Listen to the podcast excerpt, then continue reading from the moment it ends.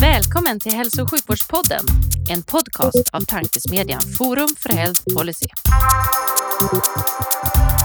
I den här podden möts frågor om hur vi kan få bättre hälsa med frågor om vilken politik som krävs. Det kommer bli samtal om personcentrering, ledarskap, digitalisering, organisation, politik och mycket mer.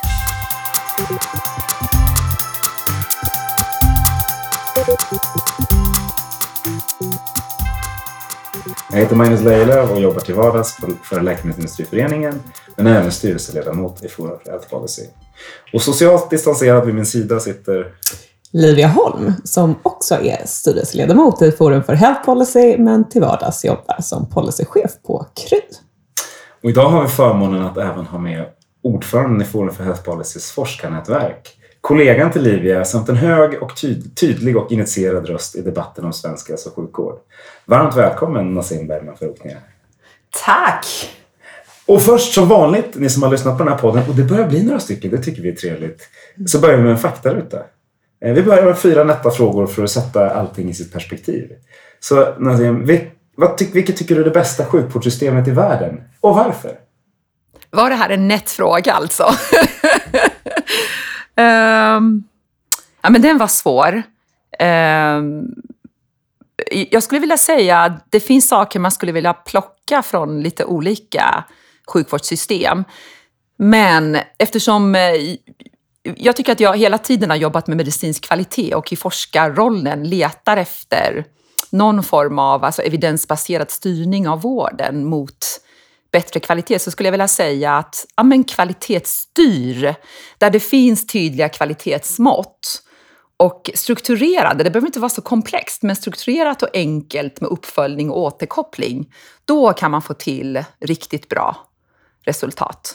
Och vad var i världen tycker att man är bra på att ha ett sådant system? Um, ja, men det finns eh, Intermountain i USA, John Hopkins tycker jag. Och det som är så häftigt med John Hopkins är att också den här triaden med både klinik, utbildning och forskning.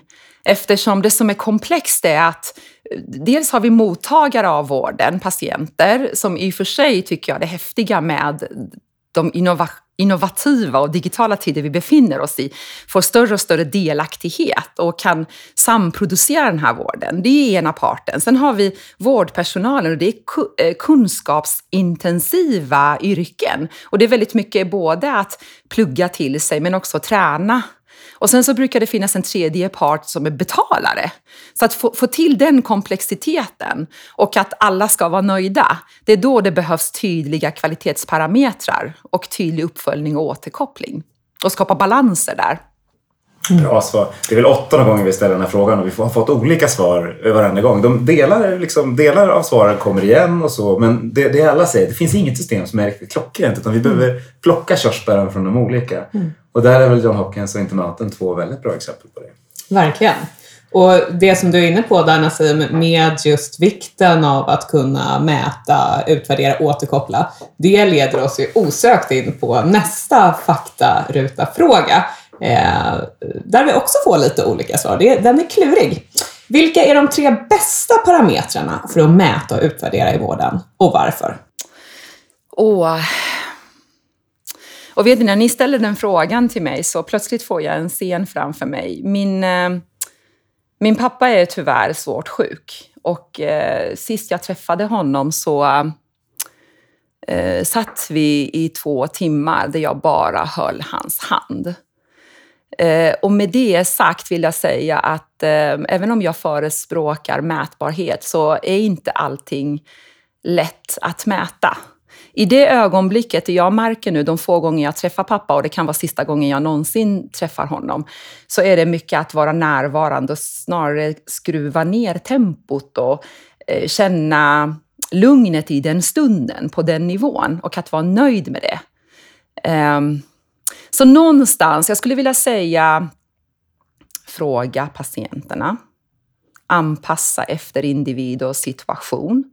Sen naturligtvis, tillbaks till, vi har ju våra eh, behandlingsriktlinjer, vi har vår evidensbaserade medicin. Självklart så ska vi eh, ha eh, rutiner, riktlinjer som, som baserar sig i saker vi vet har effekt. Ehm, och att utbilda och träna våra kliniker efter det. Och parallellt med det skapa förutsättningar för att faktiskt kunna också visa på effektivitet och produktivitet. Så att vi använder tiden i vården på bästa möjliga sätt. Och ibland kan det gå snabbt i en situation, så ska det gå långsamt i en annan. Um, ja, så en kombination av uh, mätbarheten i effektivitet och produktivitet, tydliga patientfokuset och att uh, inkludera evidens. Har vi en tendens att mäta för mycket? I huvudet poppar upp ja. Eh, jag skulle tro att, eh, och det är min erfarenhet efter att också ha chefat eh, på lite olika nivåer. De bästa chefer jag själv haft, det har varit de som vågat eh, backa lite, eh, ge målet eh, vi ska uppnå, men inte detaljstyrt. För jag tror också att det är då man kan också lämna utrymme till individerna att lösa. Så jag tror faktiskt att vi kan ha tendens att mäta för mycket, ja. Och vi mäter för mycket och ändå får vi inte med den där handhållande två timmar i det vi mäter. Så det handlar väl om vad vi mäter också. Det är en, en bra, bra mm. svar. En, en, svår fråga och eh, ett bra svar. Ja, rätt. Håller med. Vi går vidare då. Eh, Just nu håller man på att utveckla framtidens vårdinformationsmiljöer runt om i Sverige och anpassa, vi håller på med en digital transformation som är, som är galen. Om du skulle ge två medskick till de som jobbar med att utveckla svensk hälso och sjukvård framöver, vilka två medskick skulle det vara? Åh oh, herregud. Um, Alltså, eh, jag, jag själv eh, sa ju upp mig från en eh, rätt så traditionell roll och traditionell kontext. Och i stort sett hoppade. Eh, för att, eh, och varför jag tog upp eh, det nu, Magnus, det är för att när jag hör din fråga så associerar jag till att jag kände att jag måste på något sätt hänga med. För det som händer i, runt omkring oss, den fjärde teknikrevolutionen, det, det påverkar ju alla sektorer, alla miljöer och vården behöver också hänga med. Eh, eh, och där tror jag Um, vi har ju haft en del vad ska jag säga, revolutioner, som till exempel det så kallade nätläkarinträdet in på arenan. Och eh, jag tror att i framtiden, eller jag vet, vi kommer inte prata om nätläkare för alla och inte minst under det här året med pandemin. Alla har ju lärt sig jobba både digitalt och fysiskt.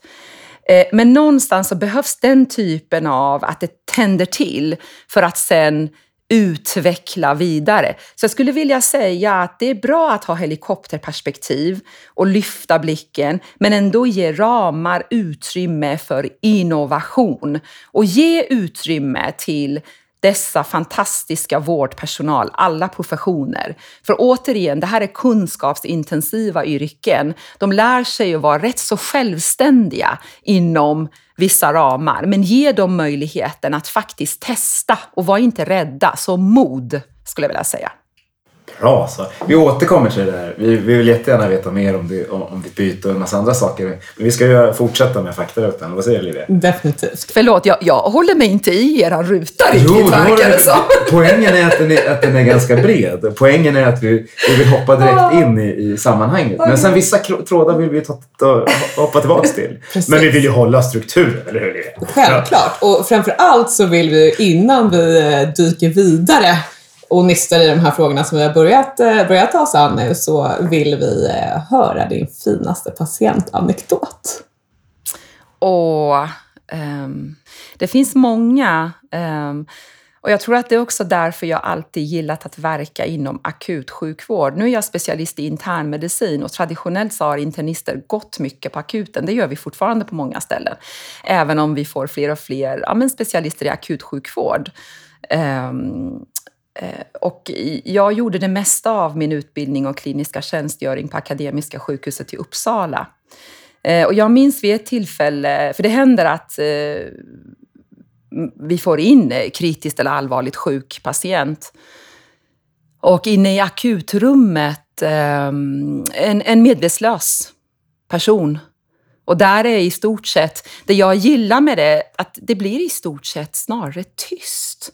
Och någon form av lugn sprider sig fastän det är flertal människor och alla går in i det här mood för teamarbete, för det är så strukturerat och det gillar jag. Och verkligen checklistor som människor har i huvudet, någon som leder och alla vet. Um, och den patienten så småningom, det tog lite tid innan det uppdagades vad det var för något. Och um, Eh, hen hörde av sig och tackade för att en hade blivit omhändertagen så fint den dagen på akuten. Men det kan också vara allt från, jag minns en annan patient eh, där jag uppenbarligen hade varit, första gången jag gick in i akutrummet, det var någonting med hjärtat, hade nog varit lite, jag tror att jag, jag hade inte riktigt tagit mig tid. Och sen så nästa gång jag gick in i rummet eh, så satt eh, vederbörandes partner som eh, hen delade in i det här samtalet och då kände jag på mig, eh, Nassim, det gick för fort förra gången. Kände sig inte, patienten hade inte känt sig lyssnad på. Jag får gåshud nu faktiskt. Så att jag drog fram en stol och satte mig och lyssnade ett varv till. Och någonstans har jag kommit tillbaks till det som eh, verksamhetschef, att majoriteten av de ärenden som kom till mitt bord, det var mycket att någonstans i kommunikationen mellan patient och läkare, det inte, eller sjuksköterska, vem det nu kan ha varit, de hade liksom inte mötts på samma nivå. Och det har ju varit min lärdom, oavsett vad det är det handlar om. Ta dig tid och lyssna. Och det finns i och för sig i konsultationstekniken också. Så att, eh, och det är någonting som nu jag i rollen um, genom Academy som vi har på Kry, vi tar oss tid och försöker uppdatera våra läkare och sjuksköterskor i den här fina konsultationstekniken. Det är en fin historia, både på grund av att du har lärt dig någonting, vilket ju alltid är viktigt att lära sig någonting. Men så är du också inne på en sak som är svår att mäta. Mm. Ja! på tal om vad man får vad man mäter så är det, är det lätt hänt att det där hoppas över. Det är, det är bra. Men alltså det är det som är, jag måste gå tillbaks till, förlåt nu, nu babblar jag på. Poängen är att du ska babbla på, det är det vi vill höra. Nej men just det fina att jobba med människor och, och det har slagit mig, jag är genuint intresserad och om man nu vågar och tar sig tid att reflektera så går det att lära sig någonting ur varje möte. Mm. Och det är verkligen något man behöver göra. Det är, Ibland blir den här podden någonting om ledarskap, ibland blir det om medicin, ibland blir det om digitalisering. Vi gillar kombinationen av det. Ja. Och här är just att lära sig, lära sig av sina misstag och lära sig av, av situationer. Det är ju det viktigaste vi kan göra.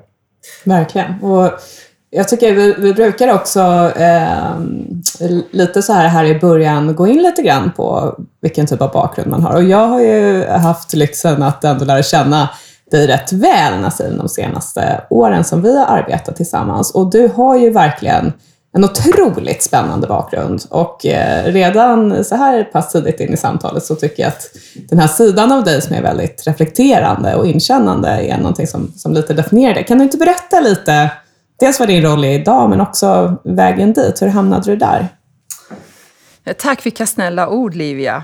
Ja, men det har vi har jobbat några år och jag uppskattar dig väldigt mycket, det måste jag säga. En klok person. Vi kör klappa på axel-grejen här. Ja. Det är för att vi gillar den. Nu är det snart jul. Och du vet, kvinnor särskilt, man ska lyfta varandra. Ja. Nej men generellt, det är härligt att ge kärlek och jag tror att det går att faktiskt ge en, en ärlig och menad komplimang och få varandra att växa. Och om jag nu ska också säga, jag är ju född och uppvuxen i Iran, så att det som jag har med mig från den iranska kulturen som svenskar skulle kunna bli bättre på, det är att ja, men bli lite mer, det är så kontrollerat i Sverige. Man, man, kan faktiskt slappna av lite mer och säga de där orden som man tänker men inte alltid säger kanske. Mm. Den tar vi gärna till oss av. Nej, men jag känner mig så svensk också så att eh, jag vågar eh, säga så, för det är sagt med kärlek. jag är tacksam. Eh, jag kom hit, jag var nästan 18 år och ehm, ehm, jag är väldigt medveten om att jag och min familj, vi har fått en andra chans här. Ehm, det är häftigt och det försöker jag på något sätt föra vidare till mina tonåringar också. Det är inte alltid de är perceptiva, men lite då och då sådär. um, ja, eh, nej men Eh, läkarutbildningen, jag tror att jag har en eh, en kunskapstörst. Jag är en riktig nörd. Jag vill lära mig saker. Jag älskar till och med att mina tonåringar är trötta på mig. Ehm, det kan vara allt eh, från att de säger “mamma, är det här en SO-lektion?” slutcitat. Ehm, och jag har kommit på att eh, jag älskar till exempel bokhandlar. Jag kan bara stå där. Ehm, så någonstans att bli läkare, lära sig, lära sig mer om kroppen, men också i och med att jag ändå upplevt en krig och revolution. Jag har en väldigt politiskt orienterad familj med fängelsestraff och avrättning. Och det finns en del nasty historier någonstans som ändå fått mig att... Ja, men, ja, men det, det ger en annan, ett, ett, ett, annat perspektiv. Så att eh, viljan att eh, påverka. Så det har inte varit konstigt att eh, också forskarutbilda sig, att eh, jag har varit aktiv i Läkarförbundet och jag är så tacksam, fått mig så himla mycket ledarskapsutbildning. Eh, och sen så, eh, det är lite lustigt för att eh, egentligen, jag, jag gjorde, alltså det lustiga var att jag hamnade på SBU, Statens beredning för medicinsk och social utvärdering, för att göra postdoc, men det var för att Visserligen träffade jag ni, fantastiska Nina Renqvist eh, på ett möte på Läkarsällskapet och det här var framtiden om den kliniska forskningen i Sverige, Olle Stendals utredning för herrans massa år sedan. Eh, och då eh, var jag på väg till Cochrane för att göra postdoc, men då sa Nina, men Nassim, du kan göra postdoc hos oss. Det är ingen annan som har gjort det, men du kan bli den första. Så det var lite roligt. Men sen det lustiga i det hela var att jag hamnade där mest för att eh, jag blev ensamstående mm, förälder till prematurfödda tvillingar. Det var, det var en resa. Mm. Um, så då var det otänkbart att jobba nätter och helger och gå jourer. Det fanns en nattis uh, i Uppsala. Uh, så då, på något sätt så var det en, en, en trevlig, ett trevligt sammanträffande. Mm. Ehm, så. Och sen ehm, åren på SBU, då gjorde jag en rapport om triage och flödesprocesser på akuten, lärde känna mm, ja, men härliga människor från Handelshögskolan eh, och började orientera mig i management, ledarskap, mätningar som jag varit inne på. Och då tog jag eh, första chefsjobbet. Så eh, man kan säga att någonstans så har jag drivkraft och jag är väl lite så här nyfiken och vill lära mig. Och sen så vet jag inte riktigt alltid vad jag tackar ja till och sen så löser jag problemen efteråt. Det blir lite jobbigt, men det löser sig på något sätt. Um, mm. Mm. Och för att bara koppla tillbaka till Livias första fråga, vad gör du idag då? Ja, det vet ju du eftersom jag ja, jobbar precis. med dig. För de som lyssnar på Jo, men första chefsjobbet, det var um, akutläkarchef på Akademiska sjukhuset. Och sen dök jobbet som verksamhetschef på Södersjukhusets verksamhetsområde akut upp. Och jag blev uppmanad att söka och sen efter det, jag var där i, ja, i sex år i stort sett. Och sen eh, därefter, det var ju då jag sa upp mig. Av det skälet att jag tyckte att det behövdes något nytt för att eh, hitta nya lösningar till vårdens gamla utmaningar. Och då eh, tackade jag ja till en roll på Kry. Eh, det här är alltså början på 2018. Eh, och jag minns att jag hade bland annat en intervju med Johannes Schilde, så frågade jag Johannes, det är ju medgrundare och VD på Kry. Johannes, vad är det du vill åstadkomma? Så tittade han på mig och sa, jag vill bygga Europas bästa primärvård. Det tyckte jag var en bra idé. Uh, och um, där är ju, det är en otroligt spännande värld. Uh, och, och, det var en startup som precis börjat skala. Uh, så att jag har haft lite olika roller och jag minns att jag pratade med Livia också, så sa hon till mig, men Nassim, om du vill ha en tydlig roll, mm, nej, man måste vara öppen och flexibel. Nej, men jag har bidragit med mina samlade kunskaper och sen har jag varit eh, eh, ödmjuk och öppen och lärt mig massa nytt. Och idag är jag forskningschef och chefsläkare. Mm. Och precis det, tillbaka lite till, till kunskapstörsten. För du, som du poängterar så eh, det här är en relativt ny sektor som du ändå har kommit in i ganska tidigt och, och som del av din roll så har du ju också byggt upp forskarnätverk. Alltså just identifierat vikten av att vi behöver lära oss på vägen. Kan du inte berätta lite mer om, om det arbetet och vilken typ av forskning som du ser är, är viktig behöver komma till kopplat till digitaliseringen i vården? Nej men jättebra! Ja, eh, apropå att eh, vårdyrken och i synnerhet läkaryrket, det, det, det är kunskapsintensivt. Jag brukar säga att det är ett akademiskt gesällyrke. Och vi brukar prata om see one, do one, teach one. Eh, och någonstans så, den, alltså teknikutvecklingen går ju ruskigt fort. Från BankID till Swish till name it. Det, och det är ganska lätt att ta in tekniker och lösningar från andra angränsande sektorer in i vården. Men det innebär ju förstås nya arbetssätt. Eh, och den, den kulturförändringen och den beteendeförändringen kräver lite mer än och det tar mer tid. Och då behövs också forskning, för dels för att kunna mäta, okej, okay, vi tror att det här är bra, men blev det bättre? Och hur mäter vi det här bättre? Blev det effektivare? Eh, blev det högre kvalitet? Blev det större nöjdhet hos patienten och så vidare? Och på vilket sätt påverkar det vardagen för klinikerna? Och i synnerhet eftersom jag och alla mina kollegor, den utbildning vi har fått, den är fullständigt traditionell. Eh, och det finns inte heller inslag av utbildning i e-hälsa runt om i landet riktigt. Det börjar poppa upp en och annan kurs, men, men den finns ju inte riktigt. Så därav initiativet att tillsammans med några andra forskare, vi som sitter i styrgruppen kommer från Karolinska institutet där jag hör hemma, vi har Uppsala universitet, vi har Lund, vi har Örebro. Så att vi försöker ha en nationell täckning och vi har inkluderat forskare som håller på med någon typ av eh, studie inom digitala vårdtjänster. Eh, det är riktigt roligt. Vi hade vår absolut första konferens eh, 13 november och till nästa år har vi faktiskt fattat beslut. Vi har redan eh, beslutat tre datum där vi kommer att ha öppna webbinarier. Så att länken till de här webbinarierna kommer att finnas på Forskarnätverkets hemsida. Så det är bara att klicka sig i korta lunchwebbinarier där vi presenterar senaste nytt.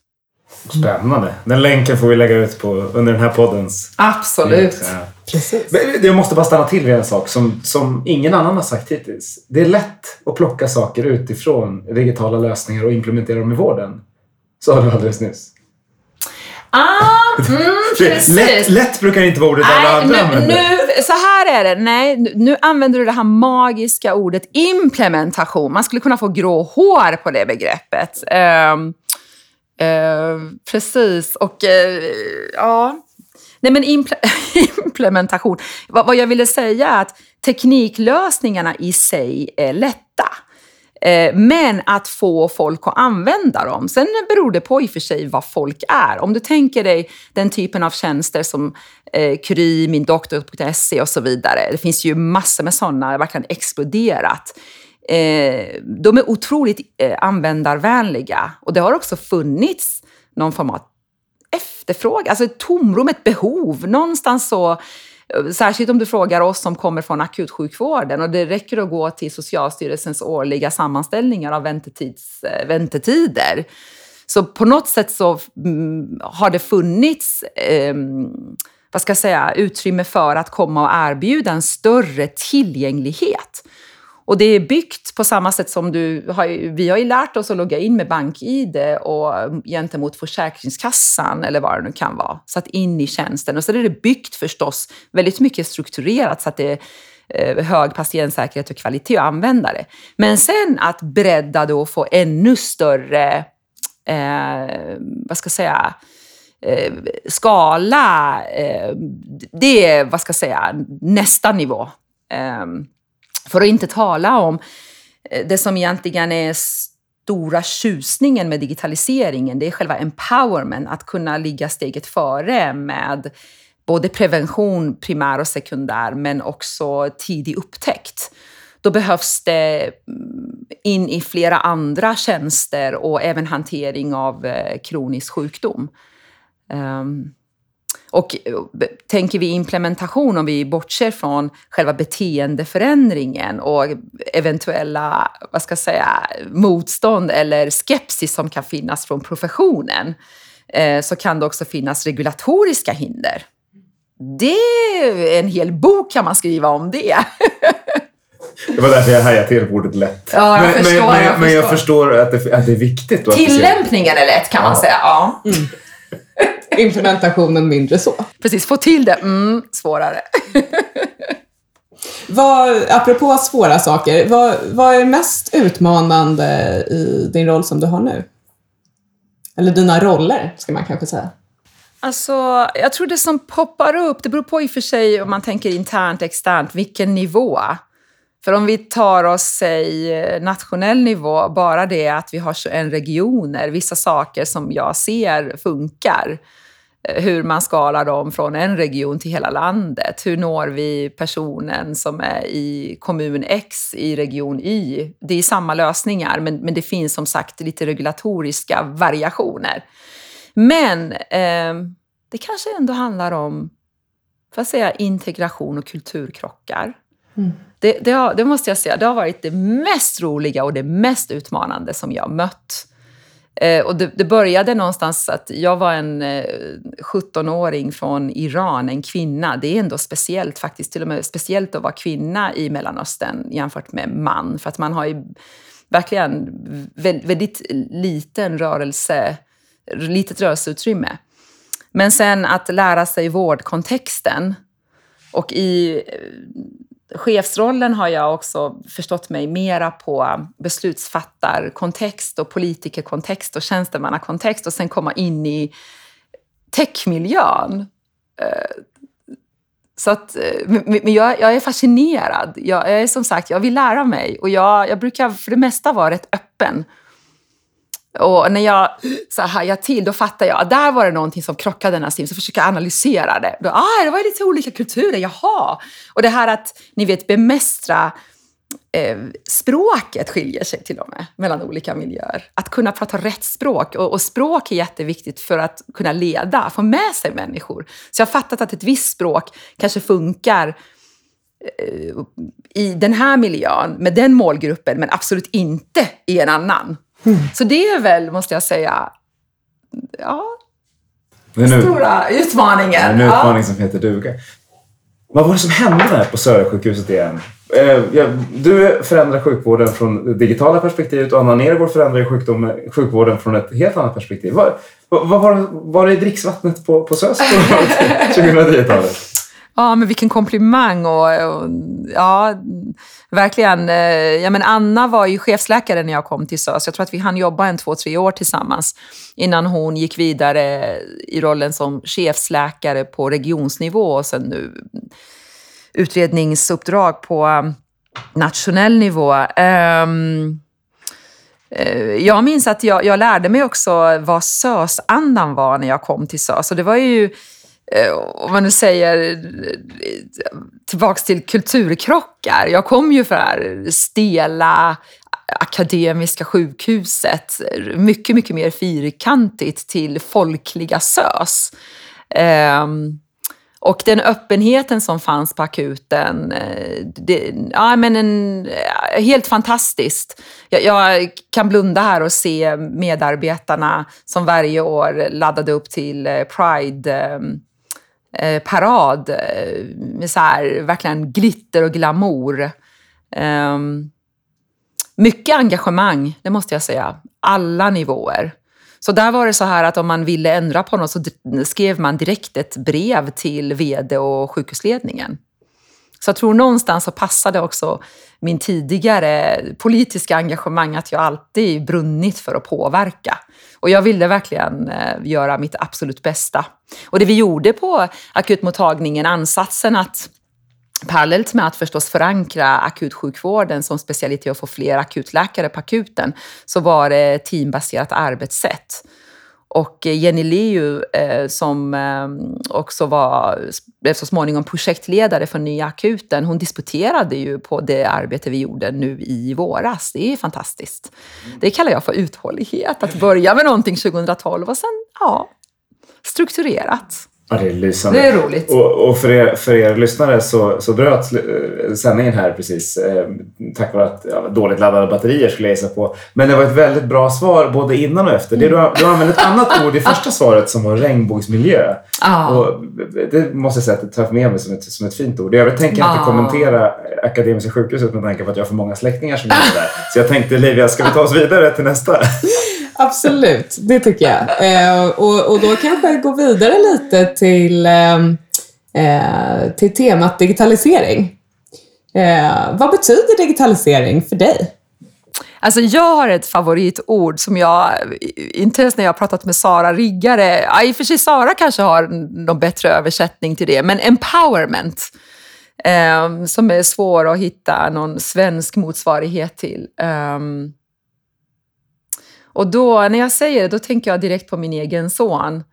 Ja, men jag sa ju att jag fick ju dem prematurfödda och han vägde inte mer än något kilo när han föddes och han är opererad några gånger. Och han har, eh, konstigt nog, det, det sa mm, hans eh, lungspecialist på Saxka barnsjukhuset till mig att Nej, men Nassim, du vet, de där prematurfödda barnen, de brukar inte ha så här eh, allergier på något sätt eller allergisk astma. Men min son har det, hur som. Eller så kommer det mer forskning som visar på vad det egentligen är. Men hur som. Och det har varit en hel del ehm, eh, akuta eh, åk till, eh, ja men, eh, för att han har svårt att andas helt enkelt. Tills han fick den här astmatuner. Ehm, det var faktiskt också en pilot genom Kry, eh, första våren jag hade börjat där. Men att för honom att den här prylen liksom har fått honom att fatta att oj, för om han ska slå sig själv och bli bättre, då måste han ju ha, ta sin medicin. Och så att han ser den här kurvan i appen i telefonen. Och för oss föräldrar och hans läkare, alla kan ju logga in med bank-id. Så på något sätt så har ju det blivit hans empowerment. Och jag minns att för, han sa till mig efter ett tag att mamma, vet du, jag har blivit vän med min astma. Så att en sån en, en pryl kan göra sån stor skillnad. Um, och jag tror att vi har bara börjat den resan. Vi använder ju olika typer av um, kan vara hårdvara som eh, ingenjörskollegor har kodat, alltså olika typer av fiffiga algoritmer och stöd, mjukvara, mjukvarelösningar för att stötta människor för att kunna bättre ta hand om sig själva och eh, men, att kunna skapa mer hälsa på det sättet. Alternativt att ökar vi tillgängligheten med tillgången till vård så kanske vi hittar saker tidigare och vi kan eh, också hjälpa folk att ja, men förebygga ohälsa. Det tycker jag är det bästa med digitaliseringen. Och då har jag bara sett det ur ett användarperspektiv, för att inte tala om ur en, säg läkare, sjuksköterska, fysioterapeut, för alla vi håller på i journalsystem. Och eh, jag skulle lova, finns inte en vårdpersonal där ute som är tipptopp nöjd med det journalsystem hen arbetar i. De hänger sig, till och med när vi var på SÖS-akuten och vi hade patient som behövde akut vård, så kunde ju eh, saker hänga sig och personalen blev frustrerade för de kunde inte handlägga patienten de hade framför sig. Så att um, det går att göra mycket mer. Det här vill man ju inte släppa. Vad, vad, skulle du vilja göra? Hur skulle du vilja att det optimala journalsystemet såg ut framöver? Åh, vad roligt! Och det, det roliga är att eh, ni vet Erlim, Rödet för läkemedel, eh, IT och medicinteknik genom Läkarförbundet och eh, jag som sitter i E-hälsoläkarföreningen Arlim har till och med startat en, en Facebookgrupp internt där vi har bjudit in kollegor och, och, det handlar om Drömjournalen. Den heter Drömjournalen. Och eh, jag läser den eh, kanalen med stort intresse. Men det handlar faktiskt väldigt mycket om användarvänlighet, men också att, att kunna nå datat. Ni vet, i Sverige kan det vara olika journalsystem till och med inom samma geografiska område men att det ena är äldrevård, det är kommunen och det andra är sjukhusvård och det är regionen. Så att, eh, eh ja, användarvänlighet, kunna nå data och kanske tillbaks till första frågan ni ställde till mig och när jag sa kunna styra på kvalitet, att överhuvudtaget kunna se de här värdena för att kunna styra, nå dem för att kunna fatta beslut. Nå till exempel de här PMen eller eh, behandlingsriktlinjerna som jag minns mina doktorer kunde säga på akuten. Nassim, vi googlar efter dem, det är lättare att hitta dem på Google än att de finns i systemet. Oh. Det finns lite suckar i rummet just nu, men vi, försöker ta en vidare. Jag tror många känner igen det, så det är inte att svartmåla något överhuvudtaget, men att det finns förbättringsområden överallt. Så vi ska gå från jävla skitsystem, eller vad de kallas nu, till drömsystem. Det är, ja. det är Drömjournalen var väl en väldigt bra term som, eh, ja. som något riktmärke, även man vill uppnå. Det låter som ett P4-program som går väldigt sent, eller som något eller hur? precis, precis. Ja, vad, vad, vad roligt. Och, och, kopplat till det, nu, du var inne lite på empowerment och det här med journalsystemen och drömjournalen. Det är också en form av empowerment, fast för vårdpersonalen tänker Exakt. jag faktiskt. Har man rätt verktyg eller inte? Det låter bättre än bemyndigande, eller vad det kan heta på svenska. Exakt. Eh, vi pratar ofta om förutsättningar för att liksom öka patientdelaktighet och eh, Eh, att ha en mer patientcentrerad vård. Vad, du har varit inne lite tidigare på de här mjuka värdena, att hålla i handen och vad är viktigt för mig och kommunicerar vi på, på rätt nivå. Det här som du är inne på nu, det är lite förutsättningar för det, men vad, vad ser du skulle kunna bidra till att skapa en mer patientcentrerad vård framåt? Ja, att eh, fråga patienterna oftare. Nu tycker jag att eh, men, eh, jag tar några exempel. Eh, utan att nämna någon, eller, liksom, eller kanske bara först och främst säga så att ingen liksom tar illa vid sig. Jag tar några exempel nu. Ehm, eh, men om vi tänker oss tillbaks till de här tjänsterna som de här olika apparna har byggt, där jag råkar arbeta på, på någon. Ehm, där är ju användarna inkluderade i sådana här workshops när man utvecklar en produkt. Så det brukar vara så att man sitter runt bordet och det är olika professioner. Det är allt från någon som är medicinskt kunnig, techkunnig, någon som är designer, till och med alltså sådana som heter UX-designer, alltså user experience designer. Och så finns datavetare och så vidare. Och den här individen som ska använda den. Mm. Och det är en lång process. Och man eh, bygger någonting som kallas för MVP, minimal viable product, och sen så tweakar man den och så blir det bättre och bättre. Så man är inte färdig från dag ett. Men det finns någonting som är hållbart och medicin så är det gjort riskanalys. Och så börjar man använda den och så utvecklar man den hela tiden. Och då kan man också öka grad av komplexitet. Men sen vet jag till exempel också, tillbaks till E-hälsoläkarföreningen, där jag har en kollega från SLSO, Akademiskt specialistcentrum, Sofia Ernestam. Hon är reumatolog och i massor med år eh, har de inkluderat patienterna i olika ja, men, när de vill eh, utveckla processer eller tjänster. Så där är faktiskt ett exempel från den offentliga, traditionella miljön, där man har tagit in. Och jag tycker generellt inom reumatologin så har man förstått det sedan många år tillbaka, att inkludera patienterna, individerna i hur man utvecklar tjänster. Så att jag tror generellt till alla fråga patienterna lite oftare och inkludera dem på riktigt. För jag har också träffat, och nu tycker jag att spetspatienterna gör ett fantastiskt jobb. Eh, att på något sätt göra den här rösten hörd och att hitta verkligen tydliga roller. Inte bara att oj, nu har vi en patient runt bordet, check i den boxen. Men att på riktigt lyssna in. Eh, och för att avsluta, och i, i E-hälsoläkarföreningen, där fattade vi också ett beslut tidigt att vi i styrelsen och nu i till våra medlemsmöten, vi har två patientrepresentanter adjungerade. Vi har ordförande från Hjärta Lung, Inger Ros, och vi har ordförande från Unga Reumatiker eh, som är med på alla våra möten. Och nu senast i fredags när vi hade ett möte, då pratade vi en nationell gemensam infrastruktur för hälsodata där de båda, ja, vi skulle vilja lättare kunna komma åt våra egna data och kunna dela dem för forskning, utveckling, för vård. Det är fantastiskt. Då vet vi att vi har med den rösten. Slut på exempel. Ja, men det är ett bra exempel. Och, och jag tycker att de verksamheter som inte har, oavsett vad man pysslar med, som inte har någon som jobbar med user experience, de har ju misslyckats. För det är ju själva grunden i allt. Att användaren, om det är en kund eller om det är en patient eller vad det än är, så behöver man ju ha någon som förstår användaren och Mm. förstår kunden. Oavsett om man är, eh, vad, vad man jobbar med. Ja, är det här någonting som människor vill använda? Det är en, en ganska central fråga. Eh, men men det, mycket händer ju fort och du var inne på det här med hälsodata och kommer vi kunna dela det på ett bättre sätt i framtiden? Och hur ser behoven ut och nu går det undan och så vidare. Hur, hur tror du att svensk sjukvård ser ut 2025? Det är ändå ganska snart, herregud. Uh, ja, men ska jag börja med att uh, ändå de tre åren jag har varit verksam inom e-hälsa eller digital vård, vilken, uh, vilken resa va? Från att i stort sett bara ifrågasatt så är det fler och fler som inser att hmm, nej, men det finns nog eh, ett utrymme här, det kan till och med funka.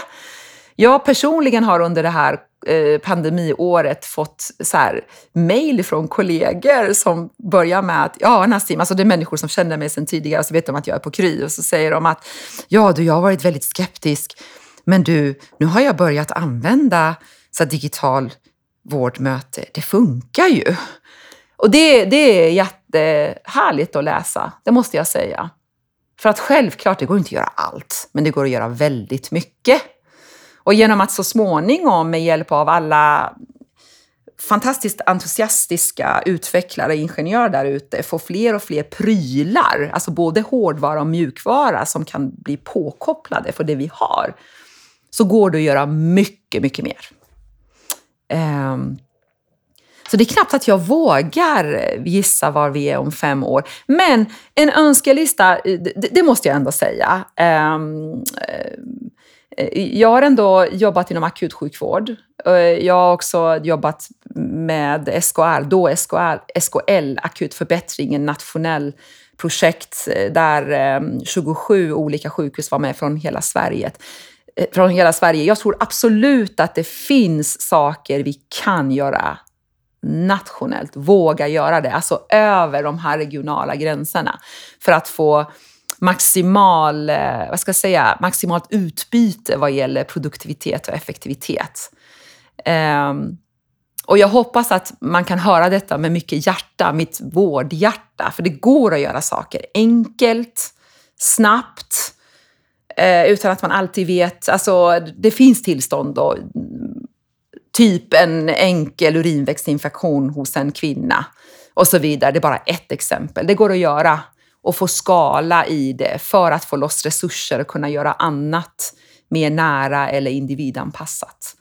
Så jag hoppas att vi ser mer av nationella lösningar. Och att i så fall så krävs det att eh, vi går ännu mer in på att hitta lösningar ehm, eh, över organisationsgränser och eh, fysiska gränser. Jag är nyfiken på eh, en reflektion från dig kring eh, hur den visionen som du målar upp nu hänger ihop med arbetet och strategin som är kopplad till nära vårdomställningen. Um, I så fall att... Uh, nej men nära vårdomställningen har ju varit viktig och det är verkligen det fantastiska jobb som eh, Anna Nergård har gjort. Att skapa också ett eh, lokal engagemang och jag skulle vilja säga mm, alla, eh, nu, nu, ser, nu ser inte lyssnarna, olika lager som är från det som är nära, nära, nära upp till nationell nivå. Och samtidigt så skulle det kunna bli ännu större konkretisering och att faktiskt hitta mer eh, nationella modeller bortanför de här regionala gränserna. Jag tycker att det behövs ändå en, ett nationellt lager, apropå saker som går att skala nationellt utan att de blir inklämda in, in i en regional modell.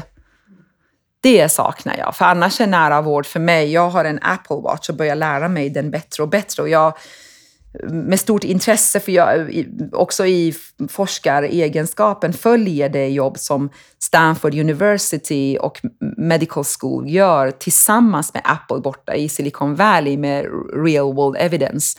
Och vi skulle kunna, det är ju den nära vården, den som är nära, nära mig. Och kopplat till det går det att göra mycket olika lösningar. Men då går det inte bara att klämma in dem inom den regionala eh, vad ska jag säga, eh, gränserna, utan det går att skala en nivå upp. Ja, tveklöst. Gränserna är ju en intressant sån sak. Du började med att prata om politik och ja, du var till och med så långt som att det handlar om avrättningar och en helt annat politiskt landskap. Vilka politiska förändringar skulle du vilja göra i, liksom, med ditt politiska engagemang du, du, du, du liksom härstammar från? Vad skulle vi göra nu för att få, få de här sakerna att hända? Hur ska vi göra för att Apple Watch ska bli en del av både forskning och patientmötet? För det är väl egentligen det vi skulle vilja?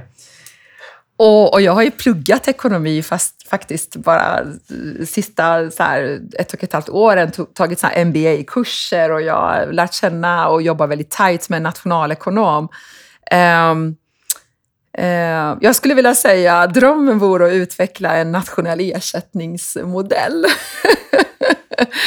För att komma ifrån den här så kallade ULPen, utomlänspatientersättningen, som tyvärr har blivit lite sådär fula baksidan kanske. För, för det, det, förknippas ju med kryphål och allt möjligt konstigt. Utan det handlar om att men här har vi en massa lösningar som skulle kunna komma eh, så många människor till nytta och faktiskt även kunna skapa eh, värde på systemnivå.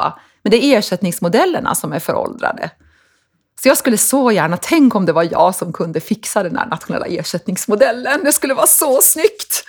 Precis, vi är alla nyfikna på hur man löser allt nationellt. Men vi, vi gillar ju tanken naturligtvis. Absolut. För att kasta oss helt Man får ju drömma lite, det är ju jul också. Ja men exakt. Vi ska, vi ska fortsätta drömma om årets julklappar och så. Men du är också eh, väldigt aktiv i Forum för Health Policies forskarnätverk. Var, varför ska man vara med i det?